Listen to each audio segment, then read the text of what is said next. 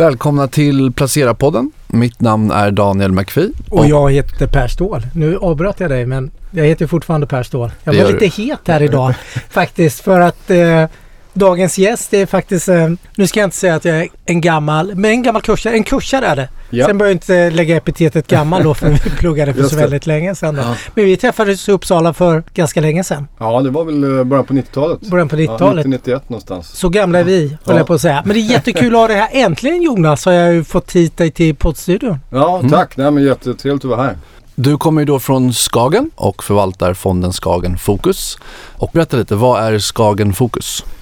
Ja, när vi är en uh, utpräglad så säga, värdeinriktad och konträr uh, baserad aktiefond. Vi, vi fokuserar primärt på small mid caps men kan också äga large caps. Fonden har varit igång sedan eh, uh, 2015 så det är snart åtta år. Och vi har en uh, tillgångsmassa på ungefär 2,5 miljard kronor idag. Och eh, den förvaltas av mig och David Harris eh, här i Stockholm. Eh, med också en stor koppling till Stavanger såklart där huvudkontoret för eh, Skagen, Skagen befinner sig. Mm. Och du säger konträr och, och värdebaserat. Hur ser ni på det? Vad, vad är er definition av det och hur är det ni tänker? Nej men när det gäller att vara konträr så ja, det är inte, hör ju inte till vanligheterna nu för tiden att man hittar kanske den typen av eh, fonder som förvaltas på det sättet. Men vi, vi har ju en, tror vi, en rätt hygglig förmåga att, att hitta bolag och leta bolag där kanske inte så många andra letar för tillfället. Det är där det, det jag tror man måste göra för att hitta de här eh, stora eller i vissa fall ex- extrema rabatterna till vad vi tror är motiverade värden. Och vi har ju då en väldigt beprövad så att säga, analysmodell eller värderingsmodell som alla bolag går igenom. Som är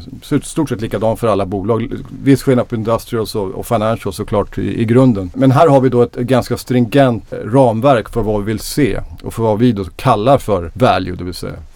Och det, i vårt fall handlar det om att hitta aktier som har en, en uppsida på minst eh, 50% på 2 till 3 års sikt. Då baserar vi det ofta på normaliserad intjäning eller stadigvarande intjäning. Och inte, vi, vi tar inte hänsyn till tillväxtantaganden 10-15 år bort i tiden utan, utan mera försöker förstå vad har bolaget konfirmerat för typ av intjäning. Och utifrån den konservativa eh, utgångspunkten hitta en 50% i uppsida oupptäckta kanske saker i balansräkningen, fastigheter, kassabehållningar, korsäganden eh, och så vidare som, som stöttar upp eh, investeringstesen.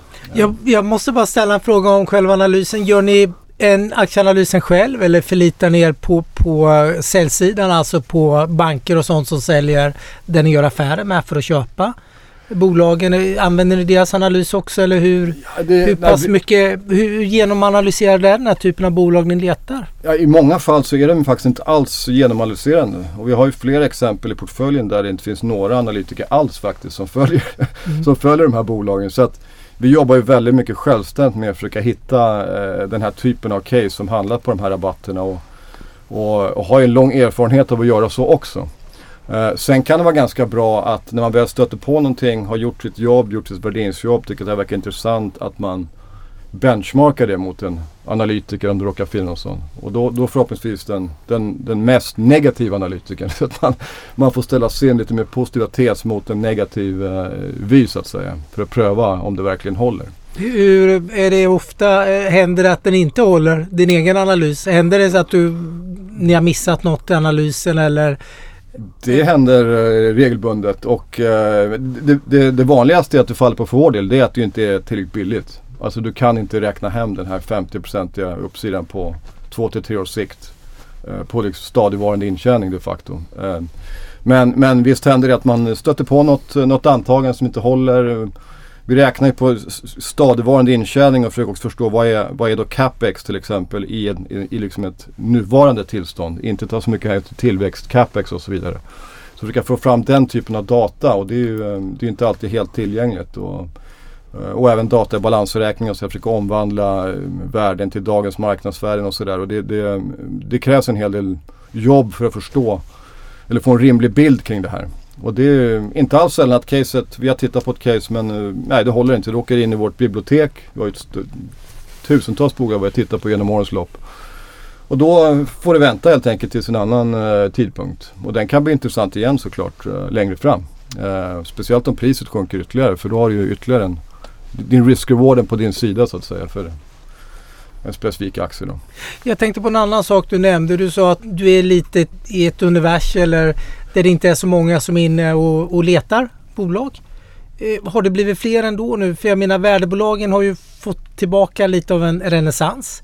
Vi, vi pratade ju lite innan podden här om vid millennieskiftet och lite 90-talet och att det var några bra värdebolagsår då eh, Ja. som var otroligt starka. Mm. Eh, känner du att intresset ökar nu igen? Det skrivs mer om värdebolag, det pratas mer om värdebolag än vad det bara gjorde för två år sedan. Absolut, Nej, det har ju fått en viss eh, renässans från att vara helt eh, ignorerat eh, såklart under mm, säkert eh, 10-12 år sedan, sedan Global Financial Crisis med inträdet av QE och Big Tech i USA och så vidare som fullständigt snedvred. eh, Och fortfarande är det ju så att eh, som jag nämnt vid ett annat tillfälle att 20% av alla bolag till antalet räknat finns i USA. Men 70% i, tills alldeles nyligen var ju ett marknadsvärdesviktat index. Och det gäller även så kallade värdeindexar. Så att någonstans finns det ju fortfarande en, rätt mycket att jobba med ö- över de här mest uppenbara eh, bolagen som, som är noterade i USA. Eh, men eh, visst kommer det mer intresse men där vi tittar mest, vi tittar mest på små och midcap och till exempel ta exemplet med japanska små och medelstora bolag där det finns oerhört låg aktivitet från ut, utländska investerare och även bland analytiker faktiskt. Där finner vi som ett exempel väldigt stora värden fortfarande. Och är, tycker vi fortfarande är tämligen eh, ignorerat. Vad, pr- vad Eh. pratar vi om för storlekar ungefär i, i när du säger small midcaps i Japan? Är det, vad är det för vi, vi pratar börsvärden? nog någonstans 500 till 1,5 miljard dollar i, storleksordning. Ja. Så ändå hyggligt stora bolag men, men eh, väldigt okända för, för många.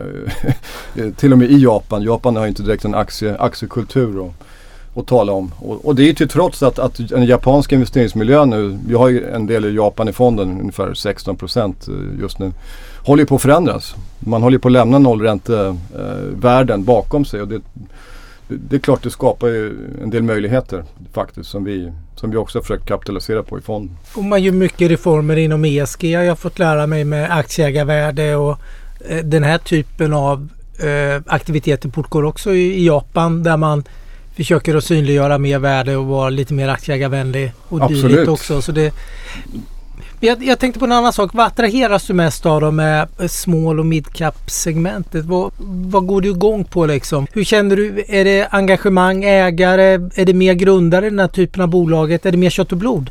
Ja, alltså jag tror att eh, alltså, med vår krav på rabatt om man säger sån så är det, det är svårt att finna det normalt sett i en vältäckt large cap. För att den, så att vi hamnar naturligt i, i den här typen av eh, bolag där, där det inte är så stor täckning av, av andra och kanske inte så många andra inne och tittar. Men vi har en väldigt standardiserad metod att, att, titta på. Vi, vi ser gärna en, en, ehm, en cykliskt justerad intjäning en normaliserad stadigvarande nivå som vi kan identifiera. Helst inte ha så många olika störande moment, eller så få som möjligt. Men gärna uppbackad då av stora värden i balansräkningen. Så vi ser starka balansräkningar, stora värden som inte kommer till aktieägaren till godo och så vidare. Där, där, där börjar vi någonstans. Och sen räcker det inte med att det ska vara billigt utan vi behöver ju också ha en change, alltså en, en katalysatorer för omvärdering de facto. Så helst är tre stycken åtminstone tangible alltså katalysatorer för omvärdering inom de här två till tre åren. Eh, innan vi kan, kan ta, ta ett investeringsbeslut överhuvudtaget. Och, och i vissa fall så eh, kan man ju ta, göra en investering som, där det faktiskt inte händer någonting på tre år. Och då har vi sagt oss själva för att inte hamna i sådana här value traps eller att vi sitter med bolag som de facto bara är billiga år ut och år in. Att man då tvingas lämna och säga att vi, eh, vi fick inte rätt på det här utan det, det, det som vi trodde skulle hända har faktiskt inte hänt och därför måste vi lämna det här caset. Så det, det, ibland hamnar man ju det också såklart. Skulle du ha några exempel på några specifika situationer där ni faktiskt har haft rätt så att säga? Det lär ju vara flera gånger. Ja. Men eh, vad är sådana typiska saker som gör att bolagen är missförstådda eller undervärderade och som sen driver? Finns det något Ja. specifikt tema sådär man kan säga? Ja, jag kan nämna ett par exempel bara för att konkretisera kanske. Eh, Ett bolag som vi har ägt som också är en, eh, en avknoppning. Eh, Vitesco heter det. Det är en avknoppning från Continental som vi ägt sen. Den knoppades av i stort sett. Ofta är avknoppningar sådana här, det ramlar ner en helt okänd eh, entitet i aktieägarens knä. Ofta kanske man är indexnära och man kan inte hålla ett, ett midcap eller ett small cap överhuvudtaget. Ingen vet riktigt vad det är, dålig täckning. Och Vitescos fall var ju precis en sån eh, situation där eh, det, de hade då en liten verksamhet, eller en betydande verksamhet men som var under avveckling inom traditionella eh, motorer, bensinmotorer. Vitesco producerar ju komponenter och, och skelett till bilarna kan man säga. Eh, men de hade då växande EV-exponering, det vill säga en exponering mot eh, elek- elektriska bilar. Och marknaden värderar det här som att det enbart handlade om en, ett bolag som hade en traditionell exponering inom bilindustrin. Men i själva verket har de utvecklats till bli ledare inom EV. Och det här var något som fullständigt negligerades tyckte vi av marknaden. Men som sen då nu har kommit sig som i linje med att det här har utvecklats. Och aktien har gått helt starkt. Så typexempel där någonting är missförstått från början och får den här alltför stora rabatten. Jag har ett annat bolag på som heter Cementir som är listat i Italien. De producerar vit cement. Listas man i Italien har, har man ofta ett italienskt eh, rabatt på grund av den här miljön. Det enda intressanta här är att de har ingen italiensk verksamhet. Den är såld för länge sedan. De är bara listade där men deras verksamhet är egentligen i Skandinavien. Cement Producerad från Danmark eh, bland annat. De är även väldigt duktiga inom ESG. Så att som ett sånt här transition case inom cement som ju är fullständigt nödvändigt för eh, att vi överhuvudtaget ska eh, kunna leva på den här planeten såklart. De är de första att starta upp sådana här carbon capture facilities och sånt för att skapa sån här grön cement. Så att det finns även ett stort missförstånd där i termer av ESG. Så att vi försöker även fokusera på den, den aspekten i, i fonden. Men letar du gärna bland avknoppningar? Är det liksom är det en liten grön lampa som lyser när du hör att det är lite någon avknoppning på gång ute i världen så det gör vi ofta faktiskt. Nästan uh, alltid när det är någonting på gång då, så försöker vi titta på vad det är för någonting och, och hur ser det här ut och skulle det kunna passa in och, och försöka göra jobbet innan såklart det landar i marknaden. För man vet ju aldrig på vilken, vilken kurs den börjar handla i en sån här. Det är det som är lite intressant. Att den bara droppar sig och sen, sen uppstår det oftast väldigt stora rabatter uh, i, i, i, intressanta bolag. Ja, för de fonderna som får det här i knät lite då om du är Continental innan då som i Vitesco-fallet. Då, ja. då säljer man väl ofta ut om du kanske kör en europeisk storbolagsfond då. Exakt. För det blir för litet bolag, det är inte med i jämförelseindex och så vidare Nej, du får, då. Du får en teknisk uh, både en teknisk och fundamental eh, marknadsineffektivitet egentligen. Som sker parallellt. Som skapar den här, de här möjligheterna. Inte alltid men, men i, i, i rätt många fall så, så... Var ni med ABB? Det är väl en av de senaste avknoppningarna jag Ja, Acceleron äh, finns faktiskt också i fonden. Det följde mönstret väldigt nära det vi äh, har sett tidigare avknoppningar. Magnesium låg som 14 schweiziska franc tror jag. Nu handlar det om 21-22 någonstans. Så där har vi ett price på 26 i, äh, i Acceleron. Så jag tror vi kommer oss in där eh, kring 14 nivån där eh, faktiskt. Och det var inte alls så länge sedan.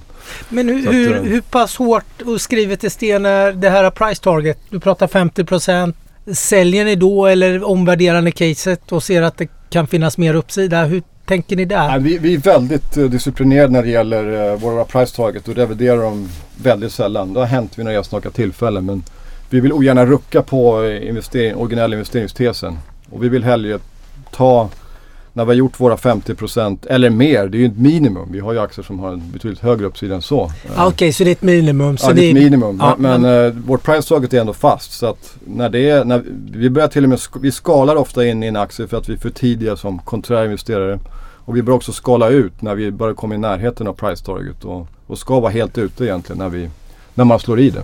Och då ska vi ta dem, det kapitalet och portionera in något som har en ny fräsch 50% i uppsida de facto. Så att det är ju det hela exercisen går ut på. Hur är omsättningshastigheten? Hur många nya case hittar ni i genomsnitt per år nu när du har förvaltat fonden? Jag tror att vår omsättningshastighet är någonstans 08, 08 09 någonstans. V vad blir det översatt i antal bolag? Ja, jag skulle säga att vi hittar nog kanske en ja, mellan 10 och 15, något sånt. Ja, det hittar så pass ja, mycket? Ja, det gör vi nog. Eh, har det varit så historiskt i alla fall. Sen beror det helt, alltså det här med omsättningshastighet är lite lustigt. Det är egentligen ett kvitto nästan på hur framgångsrik man är i sin förvaltningsfilosofi. Jag menar, om du har en väldigt snabb re-rating av en aktie då, då ökar ju vår velocitet såklart eh, markant.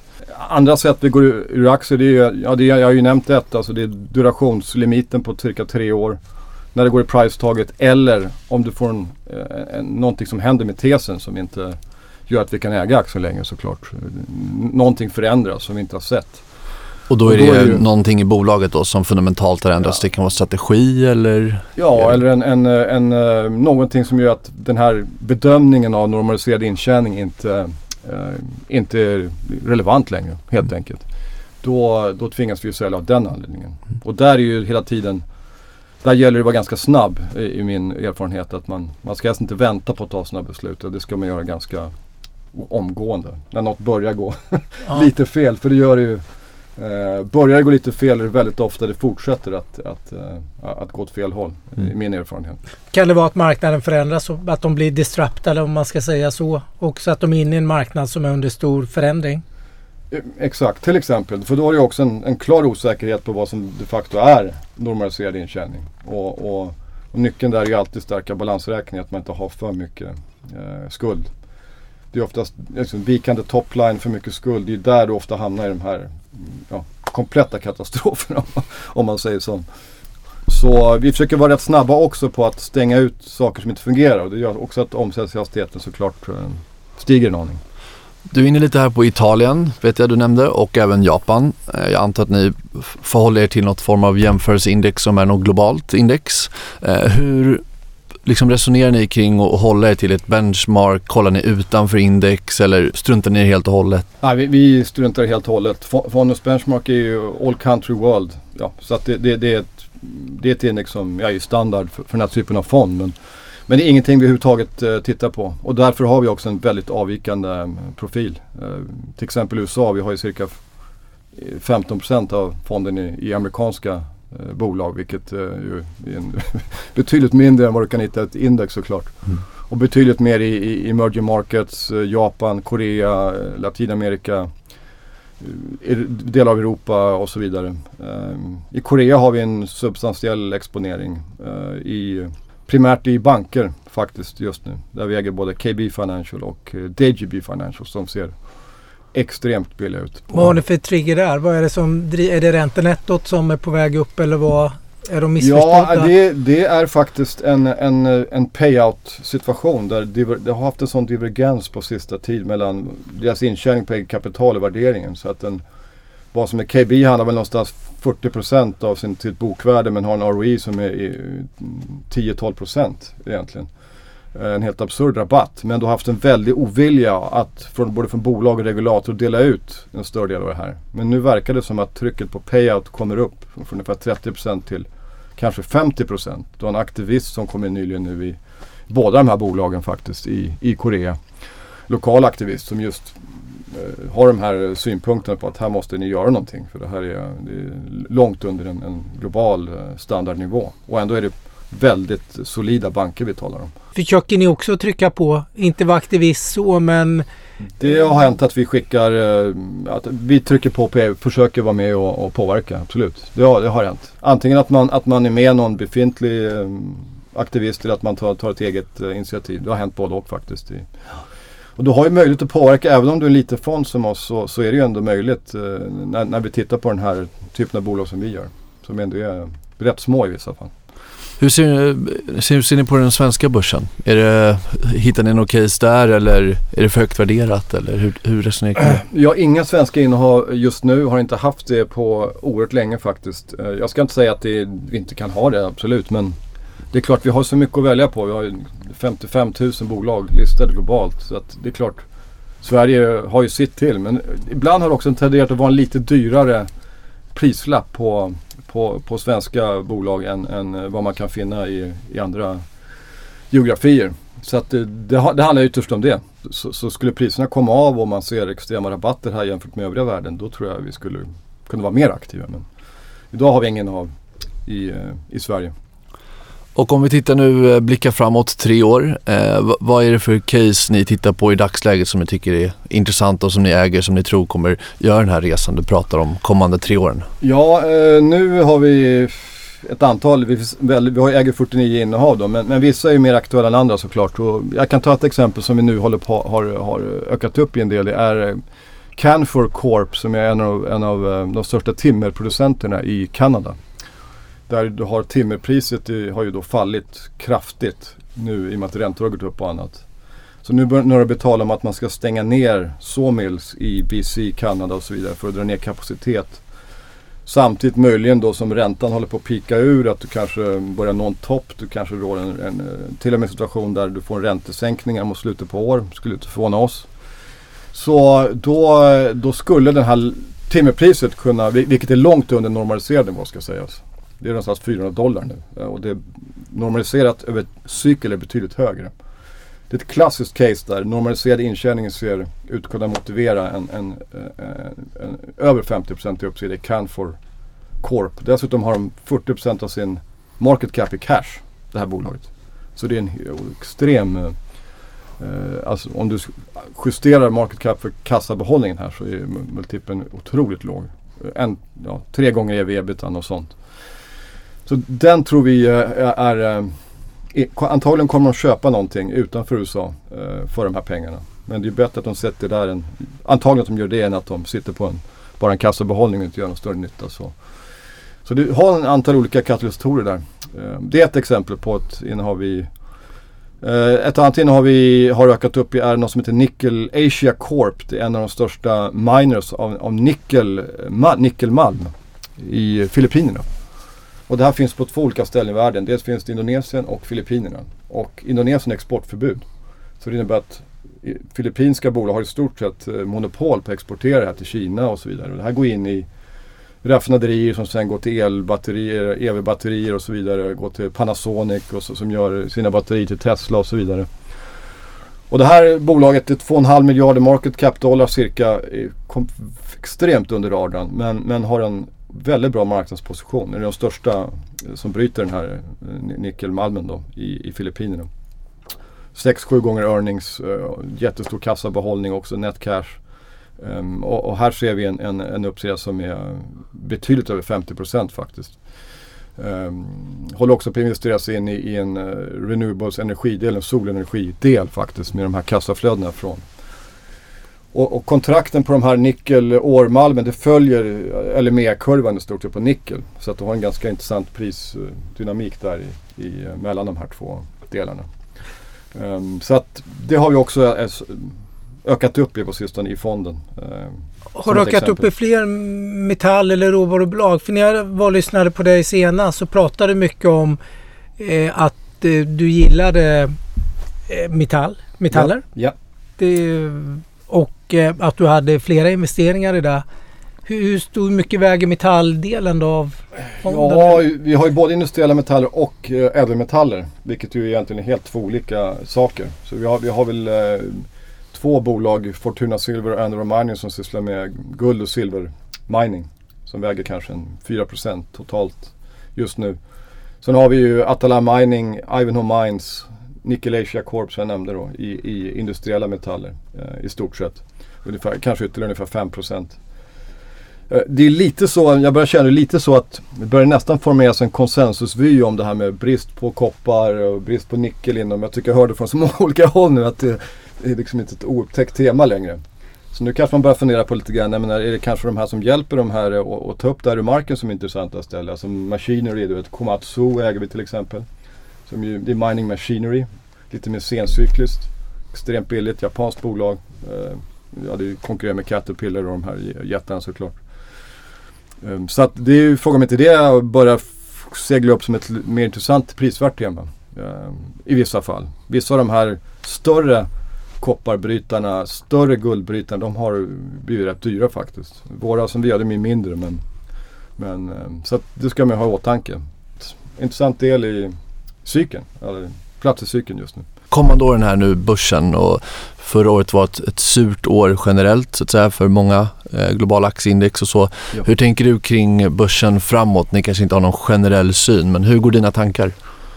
Eh, vi, vi, har ingen generell syn på, på börsen som helhet. Det, det, är helt korrekt. Det är nästan omöjligt att ha. Eh, vi, vi, kan ju tänka mycket i värde mot tillväxt och den typen av, om man nu generaliserar så, så finns det ju en del som talar för eh, värde såklart med normaliserad eh, räntenivå. Du måste, marknaden uppskattar mer och mer den här eh, närliggande eh, höga eh, så att säga, vinstgilden om man säger så. Snarare en sak som ligger långt fram i tiden. Man bör uppskatta realtillgångar, balansräkning mer än de här immateriella tillgångarna som man motiverar de här höga värderingarna med under, under 2021 egentligen. Så jag tror allt det där pekar på att du får liksom en mer balanserad eh, marknad. Och vi ser ju nu värden i helt sektorer vi inte har sett på länge. Alltså konsumentsektorn till exempel. Eh, vi ser värden i eh, teknologisektorn på sina håll. Ja, också, där har vi knappt haft några innehav på, på, på, på, på rätt länge. Så det tyder också på att det, det, det börjar bli en mer balanserad aktiemarknad. Och det är väldigt bra för, för vår del. För vi får ju mer, mer att välja på. Eh, helt enkelt. Ser du flera år, år nu framför dig när värdebolag kan gå bra som du pratar om att den här räntenivån vi är uppe i nu kanske är mer normal och kommer att eh, hänga med under överskådlig tid och så. För brukar inte värde gå lite i cykler också? Du, mm. Vi pratade ju om det innan podden att det var bra värdeår över millennieskiftet och mm. lite innan under flera år då. Ja. Och sen som du säger själv, sen har det varit tio år med tech mer eller mindre. Fram ja, till kanske 2021 eller något ja. sånt. Och jag, jag, tror många börjar upptäcka nu att man saknar kanske en, någon sån typ av eh, fond eller något som är, balanserar upp det här mer indexliknande om man säger sånt. Där ett index såklart fortfarande har väldigt mycket slagsida mot eh, de lite gamla teman om man säger så. Eh, USA och, och, kanske lite mer högt värderade bolag. Så jag, jag, tror det finns en god möjlighet att det, att det då har en marknad som, som kommer ha den här karaktären eh, över, över, framöver på medellång sikt. Det, det, det, tror jag. Det, det finns mycket som, som talar för det. Ja, då får vi tacka dig Jonas från Skagen för att du kom hit. Tack snälla för många intressanta case och funderingar kring värdeaktier. Tack ska du ha. Kul att vara här. Tack så mycket.